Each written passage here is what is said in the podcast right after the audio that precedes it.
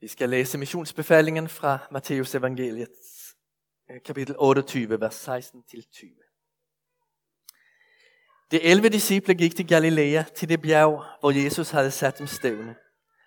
Og da de så ham, tilbad de ham, men noen tvivlede. Da Jesus kom hen og talte til, der kom Jesus hen til dem og talte og sa:" Meg er givet all makt i himlen og på jorden. Gå derfor hen og gjør alle folkeslagene til mine disciple, i det døper dem i faderens og sønnens og helligåndens navn. Og i det I lærer dem at holde alt det, som jeg har befalet jer. Og se, jeg er med jer alle dager inntil verdens ende. La oss be. Oppstandende Herre, takk fordi du er her i din kirke endnu en søndag formiddag for at tale og velsigne ditt ord. Takk også fordi du ønsker å bruke oss i din mission til verden. Vi ber at du styrker vores tro og sender oss som dine vitner. I Jesu navn. Amen. Lige før Jesus starta sitt offentlige liv, fristes han i ørkenen i 40 dager. Djevelen prøver å få ham til en smutvej forbi korset og forsoningsdøden. Den siste fristelse skjer fra et høyt bjerg. Jesus blir vist alle verdens rier og deres herlighet. Og djevelen sier til ham, alt dette vil jeg gi deg hvis du vil kaste deg ned og tilbe mig. Jesus avviser fristelsen. Han går mot korset og døden. Når Matteus nå avslutter sitt evangelium, er Jesus igjen på et bjerg.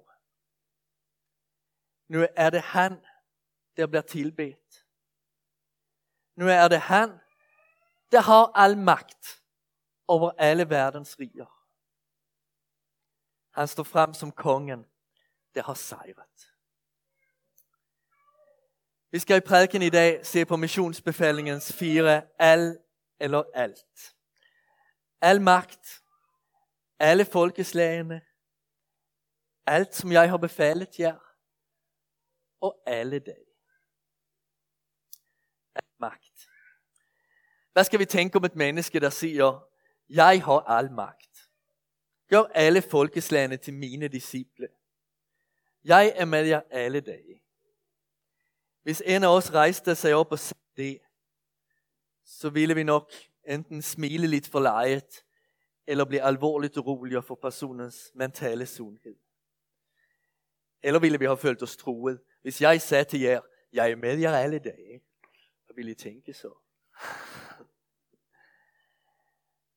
Jesus står frem og sier at han har makt over solen, over Karlsvognen, over Donald Trump, over koronavirusen, over hele den åndelige verden. Han sier at han er Gud. Påstanden var så stor, at til og med de disciple, der hadde mærket hans kjærlighet, hørt og memoreret hans undervisning, sett hans underverker, og nå enda en gang mødte ham som oppstanden, tvilte på det. Men snart skulle troen seire. Kristus kalder oss til noe som vi ikke har ressurser til å klare. Ingen av oss kan få et annet menneske til å omvende seg, tro og ta imod Guds rige. Når vi tenker på venner og kollegaer, synes det oss mange gange helt utenkelig at det ville åpne seg for evangeliet. Men Jesus er allmektig og derfor langt mer optimistisk. Gå derfor hen, oppfordrer han. Og tidligere i Matteusevangeliet har han talt om høst og om høstens herre. Ikke om krise og haverikommission, Slett ikke. Om høst. Jesus ved, at der hvor evangeliet når frem, spreder det seg en glede og fred, som verden ikke kan tilbyde. Mange der er kommet til tro, har udbrudt. Tænk, dette har jeg søkt og lengtes efter i hele mitt liv. Mig er givet all makt i himlen og på jorden. Gå derfor hen. Alle folkeslagene. Kirken er ikke dansk eller fransk.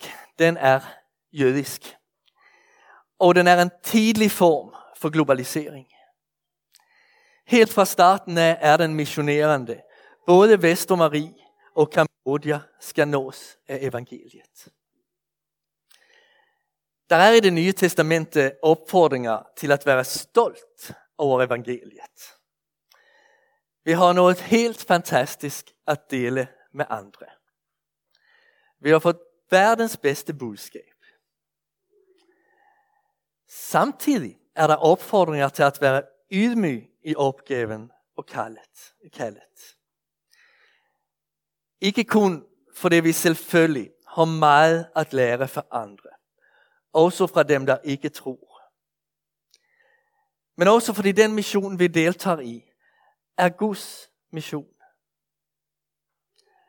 Det gør oss klart på forskjellige måter i det nye testamentet. Kirken missionerer, fordi Gud elsker verden.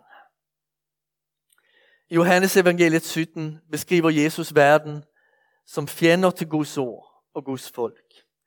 Han sier at han ikke beder for verden. Han ber ikke for verden. Og så alligevel kommer det. Lige som du har udsendt meg til verden, har jeg også udsendt dem til verden. Jesus elsker til og med sine modstandere. Han vil nå dem med sin nåde.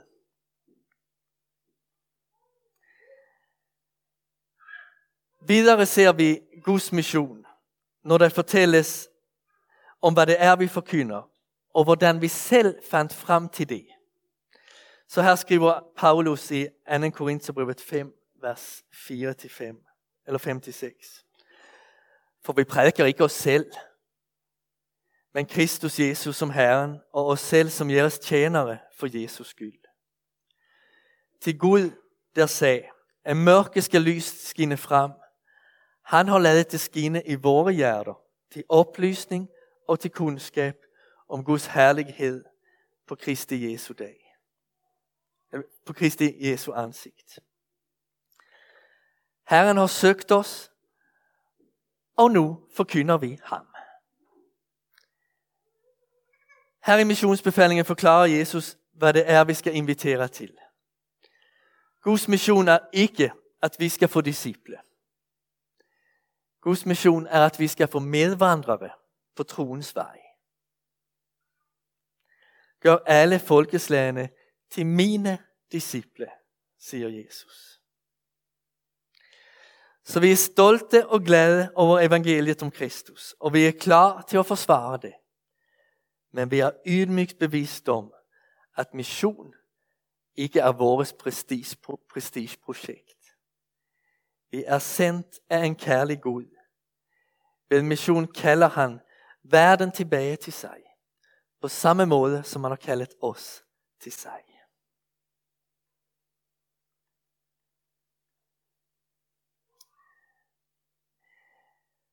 Hvordan skal vi nå folkeslagene med evangeliet? Jesus og apostlene starter det blant sitt eget folk, jøderne. Og Sånn har man også for det meste tænkt i misjonsarbeidet. En etiopier er bedst til at vidne for en etiopier. Hvis dette er riktig, er innvandrergruppene i Danmark ikke vårt eneste fokus. Vi skal også nå alminnelig dansk mann, hvit dansk kvinde. Det er ikke nødvendigvis det letteste, men det er ingen annen for hvem det er lettere. Og som alltid handler det om det samme. At leve med Kristus der, hvor vi er. At lære mennesker der at kjenne. At bede utholdelig for dem. At svare på deres spørsmål om det håp vi ejer. Og at du inviterer dem til kirkens fellesskap. Her i Bornholmerkirken prøver vi å ta et særlig fokus på det i år ved vår hensiktserklæring. Jeg sier ikke mer om den lige nå, jeg bare lige minner om den igjen. Ingen av oss er kallet at gå ut i hele verden. Det er kirken som er kallet at gå ut i hele verden. For apostlene betød det at række ut til hedenske folkeslag. Og det kall gir Gud stadigvæk til kirken og til enkelte individer. Det er ikke alle lande, hvor der er kirker i hver eneste by, eller hvor kirkens ledere har mulighet til studier og træning. Måske kaller Gud deg til en annen del av verden. Så vil vi som menighet gjerne stå med i den utsendelse og det arbeidet.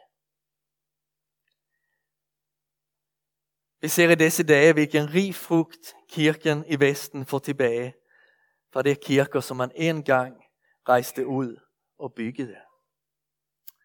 Det har vært velsignet at gå hen til andre folkeslag. Så alle folkeslagene. Og det tredje alt, det er alt det, som jeg har befalet jer. Ordet mission behøver definieres både snævert og litt bredere. Ifølge en snever definisjon handler det om at nå nye folkeslag, individer med evangeliet. Det ligger i Jesu ord om at døpe, føre mennesker inn i Kristi nåde, hans helligånd, hans velsignelser. Jeg deltog ved et tilfælde i en samtale i en studentergruppe med temaet livets mening. Og i den samtale prøver jeg å si at jeg ikke tenker at mission er livets mening. Mennesket er skabt for å motta livet, glæde seg over det, forvalte det og utvikle det. Mission er en oppgave i en verden, der har vendt Gud ryggen. Og Sånn tænker jeg egentlig stadigvæk. Men sist i den samtale var det en mann der prikkede litt til meg og sa at det allerstørste man kan oppleve i livet, det er trods alt at være med, når et menneske tar imod Jesus. Det var godt, han sa det. Jeg har ikke glemt det, og jeg trænger til at minne meg om det igjen og igjen. Intet i livet er større enn å ta imod kjærlighet og tilgivelse fra den levende Gud. Og at få være med, når andre mottar det. En bredere definition av mission omfatter, utover å række mennesker evangeliet, også at utruste og styrke dem til å leve et liv, hvor Kristus er herre over alt. Det er det, der ligger i Jesu ord. I det jeg lærer dem at holde alt det, som jeg har befalet jer. Det, det handler om grundig undervisning, om fordypelse. Det handler også om praktikk og om et liv i Jesu efterfølgelse. Hvis vi skulle spørre Paulus, hvornår missionerer du? Hvad ville han svare? Selvfølgelig ville han svare, når jeg underviser i synagoger, på bytorvene og når jeg grunnlegger kirker. Men jeg tror ikke, han ville nøjes med det. Han ville nok ha tilføyet når jeg underviser i menighetene. Da Paulus har undervist i Efesus i tre års tid, siger han ikke pludselig, at nå må han altså se til at komme i gang, og missionere igjen. Nei, han har missioneret i alle det år ved at fordype og styrke menighedernes tro. Gøre dem til disciple. Så det vi gjør nå, er også en del av misjonen. Endelig ville måske Paulus ha tilføyet at jeg missionerer, da jeg arbeider som teltmager. Det var jo hans yrke, hans arbejde. Han har vært teltmager. Jeg ærer Gud vil at gjøre et godt og rettferdig jobb. Og en del av kunderne blir faktisk mine venner, som også tar del av min tro. For meg er det en oppmuntring at tenke både snævert og litt bredere om misjon. Vi holder fast i fokus på at nå nye mennesker med evangeliet. Vi prioriterer ikke at sælge is på torget i stedet for at fortelle om Jesus. Samtidig bekræfter vi betydningen av både fordypelsen, hverdagskallet og troens lydighet. Alt det, som jeg har befalet jer. Og så det siste Alle deg. En præst i Aarhus bykirke, der heter Henrik Højlund, noterer, at Jesus ikke sier jeg beskyder jer mot alt ondt i alle jeres dage. Nei, løftet handler om hans nærvær i alt, altid. Så spør Højlund, hvordan Guds folk fornemmer dette nærvær. At et menneske gjør det, da det får oppleve noe til går gå over naturens gang, sier måske seg selv. Og det sker en gang imellem. Men også i naturens gang, og det mer almindelige erfaringer, vi gjør, fornemmer vi Herrens nærvær. Jeg vil gerne citere Henrik Højlund her, for jeg kan ikke si det lige så godt selv. Herren er nærværende med sin trøst, med sitt puff til os. Han kan innimellom give direkte beskeder til oss gjennom ord, sange, bønner, drømmer, gjennom en tanke, der plutselig melder seg. Han er der også i det daglige og søndagslige rutiner med bøn, bibellesning, nedvær, stillhed, fellesskap og lovsang. I dette rutinemæssige, i dette lange, seje trakk, kan det være en velsignet nærvær. En svag strøm av liv, der løper gjennom det hele. En næsten usynlig hånd, der bare liksom er der hele tiden og bærer en. Selvom man ikke ser den særlig meget, eller er særlig bevist om den. Men jeg tenker også på hans nærvær mer i bred almindelighed. Hans nærvær i gleden over å være menneske.